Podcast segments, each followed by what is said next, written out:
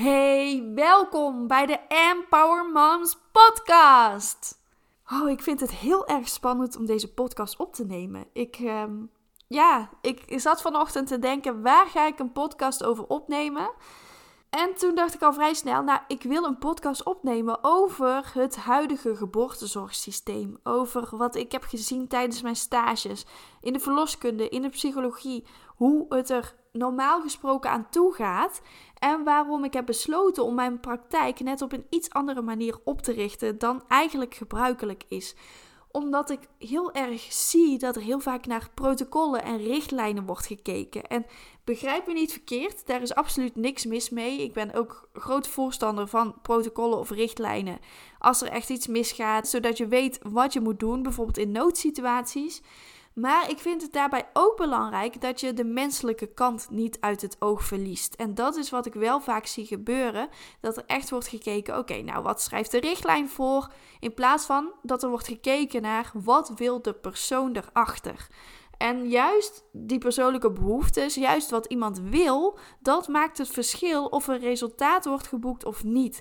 Wat ik ook vaak zie gebeuren, is dat er heel vaak wordt gekeken naar symptoombestrijding in plaats van dat de oorzaak wordt aangepakt. Um, ja, het, klinkt allemaal best wel zwaar, maar ik wil het ook niet al te zwaar maken, deze podcast. Dus ik zal ook een aantal uh, voorbeelden geven. Maar als jij bent bevallen, bijvoorbeeld, en je ervaart heel veel uh, pijnlijke spieren, heel je schouders zitten vast, je nek zit vast, je slaapt slecht, um, je hebt een kort lontje, je staat constant aan bijvoorbeeld. Hebt het idee alsof je het niet goed aan kunt, dat moederschap. Dat, dat het misschien niet voor jou is weggelegd.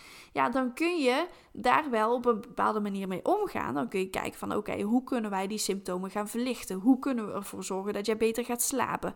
Uh, kunnen we bijvoorbeeld een piekerkwartier instellen? Hè? Dat jij bijvoorbeeld al je piekergedachten voordat je gaat slapen gaat opschrijven. Uh, misschien uh, kun je naar een fysiotherapeut, zodat die jouw spieren weer gaat losmasseren. Misschien heb je gewoon wat behoefte aan meer ontspanning. Dus probeer wat meer ontspanningsmomenten in te brengen in jouw leven. En ik snap heel goed dat dit heel vaak wordt gezegd. En ik zeg het zelf ook regelmatig. Maar dit is symptoombestrijding. Er wordt alleen gekeken naar, oké, waar heb je last van? En hoe kunnen we dat op een zo effectieve mogelijke manier gaan verhelpen? Maar die klachten komen ergens vandaan. Die ontstaan niet zomaar. En vaak heb je ineens heel veel klachten en denk je van, ik voel me gewoon super shit. Uh, ik heb overal last van. Ik voel me gewoon, uh, ja, ik weet niet, misschien door allerlei veranderingen in het moederschap kun je dat idee ook wel eens hebben dat het moederschap soms best wel zwaar is. Maar wat heb jij meegemaakt wat die klachten veroorzaakt? Want als jij bijvoorbeeld een zware zwangerschap of een zware bevalling of een, een zware tijd daarna hebt meegemaakt dan kan dat er ook voor zorgen dat, jij, dat jouw spieren gaan vastzitten door alle stress die jij hebt. Dan kan het er ook voor zorgen dat jij slechter gaat slapen omdat jij zoveel aan het piekeren bent. Dan kan dat ervoor zorgen dat jouw hele lijf eigenlijk overbelast is, dat die dus in een stressstand staat, waardoor jij continu aanstaat, waardoor jij niet kunt genieten van jouw ontspanmomentjes. Dus we kunnen wel kijken naar, oké, wat zijn jouw symptomen? Wat kan ervoor zorgen dat jij weer beter gaat slapen? Is dat medicatie of dat soort dingen? Of kunnen wij die oorzaak aanpakken, waardoor dus al die klachten weggaan? En daar ben ik meer voorstander van. En natuurlijk betekent dat niet dat je heel diep moet gaan graven naar alles wat je in het verleden hebt meegemaakt, want dat is niet wat ik hiermee bedoel. Ik denk ook zeker dat je sommige dingen die niet helemaal meer relevant zijn, ook beter kunt laten rusten. Maar als jij bijvoorbeeld iets hebt meegemaakt wat jij hebt weggestopt, waar jij liever niet meer aan wilt denken, wat jij het liefste vermijdt, maar waar jij nog wel dagelijks last van hebt, dan is het wel belangrijk om hiermee aan de slag te gaan, want dit gaat niet vanzelf over. We denken vaak dat dit vanzelf overgaat, uh, maar vaak is dat niet het geval tijdens mijn studies verloskunde en psychologie heb ik heel veel gezien. Heb ik echt heel veel dingen meegemaakt waarvan ik dacht: oké, waarom wordt dit nu op deze manier gedaan? Want ik denk eigenlijk niet dat dit bijvoorbeeld in het voordeel is van degene die moet bevallen of degene die ik aan het behandelen ben. Ik zal even een voorbeeldje geven om het wat duidelijker te maken. Ik had bijvoorbeeld een vrouw tijdens mijn studie verloskunde, die werd uh, ingeleid. Zij had zwangerschapsdiabetes en werd daarom ingeleid, want haar waarden waren niet helemaal goed. Maar de inleiding, die zette eigenlijk niet door. Uh, ze kreeg een ballonnetje, er werd van alles geprobeerd en het had allemaal geen effect. Ze werd weer terug naar huis gestuurd na een tijdje. Na een paar dagen moest ze weer terugkomen omdat ze het opnieuw gingen proberen. Nou, dat had ook weer geen effect. Ze werd weer naar huis gestuurd. En na een paar dagen moest ze weer terugkomen. Alles weer van vooraf aan. Werd het eigenlijk weer toegepast om haar in te leiden. Want die baby moest en zou eruit. En ik dacht eigenlijk alleen maar. Wie heeft dit bedacht dat dit moet? Want er is eigenlijk geen enkele reden om deze vrouw in te leiden. De baby doet het goed, met haar ging het goed. Alleen de waarden waren iets afwijkend, maar ja, niet extreme van ik dacht, oh, het is een, een hele gevaarlijke situatie. Dus ja, hoeveel voordeel ga je er dan uithalen als je iemand gaat inleiden? Want de inleiding, ja, die werkte niet echt. Hè? Ze moest een paar keer terug. Het gaf stress. Uh, niet heel fijn voor haar mentaal, ook niet lichamelijk. Je stelt je in op dat je baby geboren gaat worden. Vervolgens ga je weer naar huis zonder baby. En dat gebeurt dan een paar keer. Dat geeft ook een hele hoop stress, wat ook weer niet bevorderlijk is voor de baby. En een inleiding is ook niet zonder risico natuurlijk. Dus je gaat eigenlijk de bevalling opwekken als de baby er nog niet helemaal klaar voor is. Want de baby heeft zelf nog niet aangegeven dat het uit de buik wil. Baby's geven dit zelf aan als de bevalling begint. Baby's zorgen ervoor dat het lichaam een signaal krijgt waardoor de weeën gaan beginnen. De baby bepaalt dit zelf. En als je het dan zo erg gaat stimuleren en van alles uit de kast gaat lopen trekken om die vrouw maar te laten bevallen, dan denk ik echt van waar zijn we überhaupt mee bezig? En toen het uiteindelijk dan een beetje effect had, toen schoot het weer niet op en kreeg ze weer extra weeënopwekkers bij. En Uiteindelijk kreeg ze een weeënstorm en werd het een ruggenprik omdat ze de weeënstorm niet aankon. En vanwege de ruggenprik daalde de bloeddruk weer en er gebeurde van alles wat uiteindelijk leidde tot een spoedkeizersnede. En ik dacht alleen maar, jongens, waar zijn we mee bezig? Je creëert traumatische bevallingen op deze manier. Dit is echt niet oké. Voor wie is dit voordeel? Niet voor de baby, niet voor de vrouw. Waarom doen we dit? Omdat iemand heeft bepaald dat het bij deze waarde uh, van zwangerschapsdiabetes, dat deze vrouw ingeleid moet worden. Waar gaat het over? Dit is toch niet meer humaan? Echt, toen was wel het momentje dat ik dacht van, er klopt hier iets niet. Zorgverzekeraars hebben ook een hele grote invloed. Dat stoort mij eigenlijk een beetje, want zorgverzekeraars die kennen jou niet als persoon. Die weten niet wat jij wilt. Die weten niet waar jij behoefte aan hebt. Die praten niet met jou. Die werken echt volgens die protocollen. Die handelen niet naar jouw wensen. Dat staat me heel erg tegen. Die kijken van oké, de meeste mensen worden op deze manier behandeld als ze dit ervaren. Nou, laten we dit maar uh, voor iedereen dan zo doen. Maar wat voor de een werkt, hoeft voor de ander niet te werken. Dus laat me dat even duidelijk hebben, dat ik daar niet heel erg achter sta. Dat er, hè, als jij ergens mee zit, dat er ruimte moet zijn om dat aan te kunnen kaarten. In plaats van dat we specifiek een protocol af moeten gaan, omdat dat nou eenmaal zo hoort. En ook in de verloskunde wordt, worden ook heel vaak interventies gedaan. Wordt ook heel vaak medicatie gegeven bij allerlei pijnbestrijding of bij allerlei symptomen die je ervaart. Maar waar zijn die op gebaseerd? Op protocollen. En ik volg sinds een tijdje volg ik ook een aantal uh, verloskundigen uh, op Instagram die best wel kritisch zijn op het beleid. Ik zag het wel in de praktijk, maar ik was stagiaire. Ik was niet in de gelegenheid om iets van te zeggen van oké, waarom wordt dit op deze manier gedaan? Hoe kunnen we het juist in het voordeel van iemand anders aanpassen. Ja, ik, ik zat niet in die positie. Dus ik ben heel erg blij dat er nu heel veel mensen op gaan staan, eigenlijk om aan te kaarten dat er uh, bepaalde dingen niet kloppen dat er niet altijd op wetenschappelijke basis interventies worden uitgevoerd. Want we denken vaak hè, van oké, er is onderzoek naar gedaan, dan zal het wel werken. Nou, laten we het dan maar zo doen. Ik merk de laatste tijd dat die wetenschappelijke onderbouwing gewoon ontbreekt. Dat het iemand die dat protocol heeft opgesteld omdat het wel, ja, omdat het voor een bepaald aantal mensen zo werkte, maar dat het eigenlijk nergens op gebaseerd is. En juist dat stukje bewustwording, dat jij uh, zelf kunt aangeven wat jij wilt, dat er ruimte mogelijk mag zijn om jouw eigen visie in te brengen, om jouw eigen wensen in te brengen, daar zijn we de laatste tijd ook wel steeds meer mee bezig. Want eigenlijk word je aangemoedigd om tijdens je zwangerschap een bevalplan te schrijven. En bevalplan vind ik eigenlijk niet echt het, het juiste woord. Ik zou het eerder bevalwensen noemen omdat een bevalplan klinkt ook als een plan van zo wil ik het, hier hou ik me aan vast en ehm, ja, zo moet het gebeuren. Um, dat is niet wat er met een bevalplan wordt bedoeld. Want een, een bevalling kun je nou eenmaal niet realiseren, je kunt het niet vooruit plannen. Je kunt natuurlijk wel een aantal uh, wensen hebben en die mag je ook zeker hebben. Dus daarin ben ik wel voorstander van om je hierin zeker te gaan verdiepen in wat jij wilt. Of stel dat je keizersnede moet ondergaan, wat je dan zou willen bijvoorbeeld. Um, dus schrijf dat ook uit en bespreek dat met de mensen in je omgeving. Maar weet dat er dus altijd een keus is. En dat het mogelijk is om dingen met je zorgverlener te bespreken.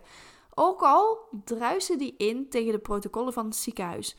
Ja, dit geldt ook in andere situaties. Hè? Niet alleen in situaties in het ziekenhuis, tijdens, met je verloskundige of met je gynaecoloog. Maar ook als je ergens anders naartoe gaat. Ook bij het consultatiebureau. Ook als jij zelf hulp zoekt bij een psycholoog of bij iemand anders.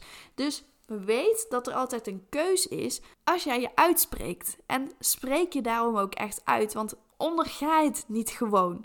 Wat wil jij? Wat wil je absoluut niet? En vooral die dingen die je absoluut niet wilt, zijn ook heel erg belangrijk. Want als er heel veel van die dingen worden gedaan waar je eigenlijk niet achter staat, er heel veel interventies worden gedaan die je eigenlijk niet heel erg prettig vindt, als jij er niks van zegt, dan weten we het niet. Spreek je hier vooral ook over uit en dan kunnen ze in het ziekenhuis gewoon kijken: oké, nou dit wil je niet, maar wat wil je dan wel? Zo kunnen kijken naar eigenlijk meer die menselijke kant. In plaats van dat we mensen zien als een soort van robots die moeten voldoen aan protocollen. Want dat zijn we niet. We hebben allemaal onze eigen gedachten, we hebben allemaal onze eigen gevoelens. En die zijn eigenlijk niet in protocollen te omschrijven. Ik vind een protocol daar mag je soms best wel eens van afwijken als de situatie daarom vraagt, als een vrouw daarom vraagt. En natuurlijk is het belangrijk om dan te bespreken wat de risico's zijn. Stel dat er niet naar wordt gehandeld, wat zijn die risico's om er niet aan te voldoen. En zo is het ook als jij al bent bevallen in het moederschap en je loopt tegen bepaalde dingen aan. Als jij het gevoel hebt van, nou, ik voel me niet heel lekker. Het lijkt alsof ik in een soort van burn-out terecht ben gekomen. Of ik ervaar een kort lontje, ik slaap slecht. Kan je niet genieten van het moederschap?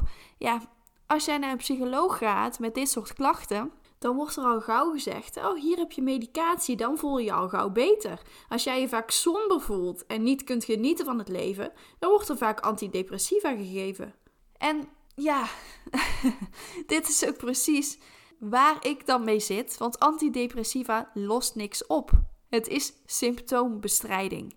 En begrijp me niet verkeerd, het werkt voor heel veel mensen goed. Maar hier lost er niks mee op, omdat je er alleen maar voor zorgt dat jij met medicatie jezelf weer beter gaat voelen. En op het moment dat jij dus dan weer gaat stoppen met die medicatie, zul jij jezelf net zo rot gaan voelen. Dus probeer echt die oorzaak aan te pakken. Van hoe komt het dat jij je zo voelt? Is het die transitie naar het moederschap? Vind jij dat heel erg overweldigend? Vind jij dat heel erg zwaar? Hoe kunnen wij jou daarin ondersteunen? Wat heb je daarin nodig? Uh, maar ook heb jij bijvoorbeeld iets meegemaakt? Heb jij een nare bevalling meegemaakt waardoor jij je niet jezelf voelt? Want een traumatische bevalling wordt heel erg vaak onderschat. We denken ook vaak dat het vanzelf overgaat, maar dit gaat niet vanzelf over. Je zult hiermee te maken blijven krijgen tot het moment dat jij het daadwerkelijk gaat aanpakken. Hier mag ook wel meer aandacht voor zijn. En wat kenmerkt dan een traumatische ervaring? Wat, wat is die traumatische zwangerschap of traumatische bevalling? Nou, weet je, daar zijn ook weer allerlei lijstjes voor.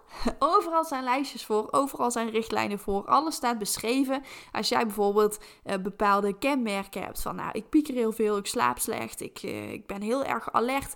Nou, check, check, check. Nou, posttraumatische stressstoornis bijvoorbeeld, hè.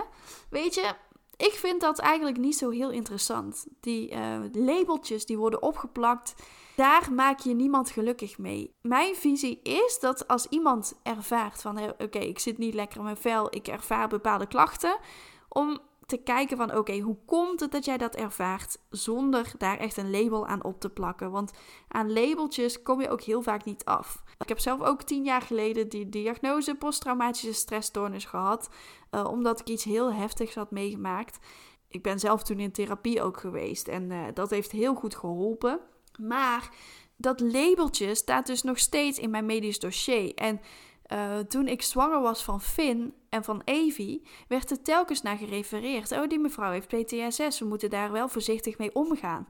Terwijl ik dacht van nee, dit, is, dit speelt helemaal niet meer. Dus haal dit alsjeblieft uit mijn dossier. Ik heb dit ook aangegeven van nee, ik wil dat dit er niet meer in staat. Dit is iets van tien jaar geleden. Ik heb het verwerkt wat ik toen heb meegemaakt. Ik ervaar die klachten helemaal niet meer. Dus haal het alsjeblieft uit mijn dossier. Ik wil het er niet meer in hebben. Omdat elke specialist, elke keer als ik daar op controle kwam, van, oh ja, PTSS.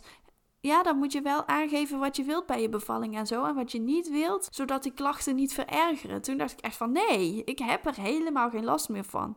En zo is het dus met alle labeltjes die je krijgt opgeplakt die blijven staan. Dus vandaar dat ik echt geen voorstander ben van uh, labeltjes plakken. Ik heb zoiets van: als jij zegt dat je ergens last van hebt, dan heb jij daar last van. En dan neem ik dat serieus. En of het dan een, een trauma is volgens een bepaalde richtlijn of een bepaald protocol. Of omdat jij het ervaart, weet je, dat maakt me niet uit. Als jij het ervaart, als jij zegt van nou, ik heb last van die zware bevalling, dan heb jij last van die zware bevalling en dan gaan we die zware bevalling verwerken. Of het nou een trauma is of niet. Ja, zo sta ik erin. Dus ik kijk echt naar wat ervaart iemand. We kijken echt naar jouw symptomen. We kijken naar wat jij nodig hebt. En vooral hoe we dat zouden kunnen oplossen. Hoe kunnen wij die oorzaak aan gaan pakken? En er hoeft natuurlijk niet altijd een oorzaak te zijn. Uh, maar soms wil je gewoon wat praktische tips. Dat kan ook. Maar die praktische tips kunnen jou alleen maar helpen als jij echt al de dingen die jij hebt meegemaakt hebt verwerkt. Als je daar geen last meer van hebt. Dus ik kijk echt naar de persoon als geheel. En dat is iets wat ik vaak mis in het medische zorgsysteem. Dat er te veel wordt gekeken naar: oké, wat moeten we doen bij deze bepaalde aandoening? Wat moeten we doen als iemand deze klachten ervaart? Oké, wat schrijft het protocol voor? Maar is dat in het belang van de patiënt? Is dat in het belang van de cliënt? Ja, heel vaak is dat ook niet het geval. Wat heeft diegene nodig? En daar mag meer ruimte in gelaten worden. Ik ben echt van het informeren, van het communiceren. Ik ben altijd heel duidelijk in wat ik ga doen. Ik stel je ook altijd op je gemak als je bij mij komt voor een traumaverwerkingssessie, voor de Trauma Buster techniek. Ik ga je echt even stabiliseren. We gaan ervoor zorgen hè, dat jij je op je gemak voelt, dat jij je fijn voelt, voordat we daadwerkelijk met het trauma aan de slag gaan. Want dat is heel belangrijk, omdat je anders wat minder resultaat kunt boeken. Dus ik ben er echt voor die menselijke benadering. Van we zijn geen robots. We hebben allemaal gedachten en gevoelens. En daar mag ook meer begrip voor zijn. Daar mag meer ruimte voor zijn. Echt het menselijke stukje terugbrengen in onze hulpverlening. Dus dat is wat ik, uh, ja, wat ik mis en wat ik dus zelf wel probeer te doen. En dit is dus ook de reden dat ik mijn eigen bedrijf heb opgericht, omdat ik niet kan werken in het huidige geboortezorgsysteem, omdat ik niet kan werken in een huidige psychologenpraktijk, omdat ik helemaal niet achter die benadering sta omdat het allemaal maar snel en snel en snel moet gaan. En het draait om zoveel mogelijk mensen behandelen op een dag. Uh, zonder te kijken naar, ja oké, hoe ben jij als persoon? Hoe, hè, wat wil jij? Wat, wat vind jij belangrijk? Vandaar dat ik dus mijn eigen praktijk heb opgericht. Kan ik lekker mijn eigen tijden bepalen neem ik de tijd voor jou, zodat we ook in kunnen spelen op waar jij behoefte aan hebt, wat jij nodig hebt. Dit wil ik dus met je delen. Dus eigenlijk kort samengevat, weet dat je altijd een keus hebt. Dat je als jij dingen wilt, dat je ze ook gewoon bespreekbaar kunt maken. Aarzel daar ook niet in, want als jij het niet zegt, dan weten hulpverleners het niet en kunnen ze jou daar dus niet mee helpen. Dus geef dit ook echt aan van wat wil jij en ook duidelijk wat wil jij niet. Weet dat je altijd een keus hebt, dat je niet per se hoeft te voldoen aan protocollen en richtlijnen als jij daar niet achter staat. En weet dat het ook anders kan en dat er best wel wat hulpverleners zijn die hierin met je mee willen kijken naar wat er dan wel mogelijk is. Maar je zult hierin wel zelf de eerste stap moeten zetten, want zorgverzekeraars die bepalen gewoon heel erg veel. Dus kies dan iemand die echt naar jou als persoon kijkt Maar je zult daarin wel de eerste stap zelf moeten zetten en niet zomaar het advies van de zorgverzekeraars op moeten volgen. En als dat wel bij jou past, dan is dat natuurlijk helemaal oké. Maar als je daar niet helemaal achter staat, dan uh, ja, heb je daarin zelf wel nog wat werk te doen. En dat is vaak ook best wel lastig. Maar zorg ervoor dat jij dan de juiste mensen om je heen hebt die jou hierin kunnen begeleiden. Of dat je de juiste mensen zoekt die jou hierbij kunnen helpen. Mocht je hier vragen over hebben, mocht jij meer willen weten over welke mensen je het beste kunt benaderen, wil je meer weten over mij en mijn werkwijze, uh, of wil je bijvoorbeeld aanmelden voor de Trauma Buster techniek, ga dan naar mijn website empowermoms.nl, want daar vind je alle informatie. Mocht je meer vragen hebben, kun je me ook altijd een mailtje sturen op meike.empowermoms.nl. Ik hoop dat je weet dat er dus heel veel mogelijk is, dat er niks gek is en dat als jij ergens niet achter staat, dat je dit gewoon kunt aangeven. Ook al is dat vaak heel erg lastig, vinden we dit heel erg moeilijk, maar weet dat dit dus wel kan.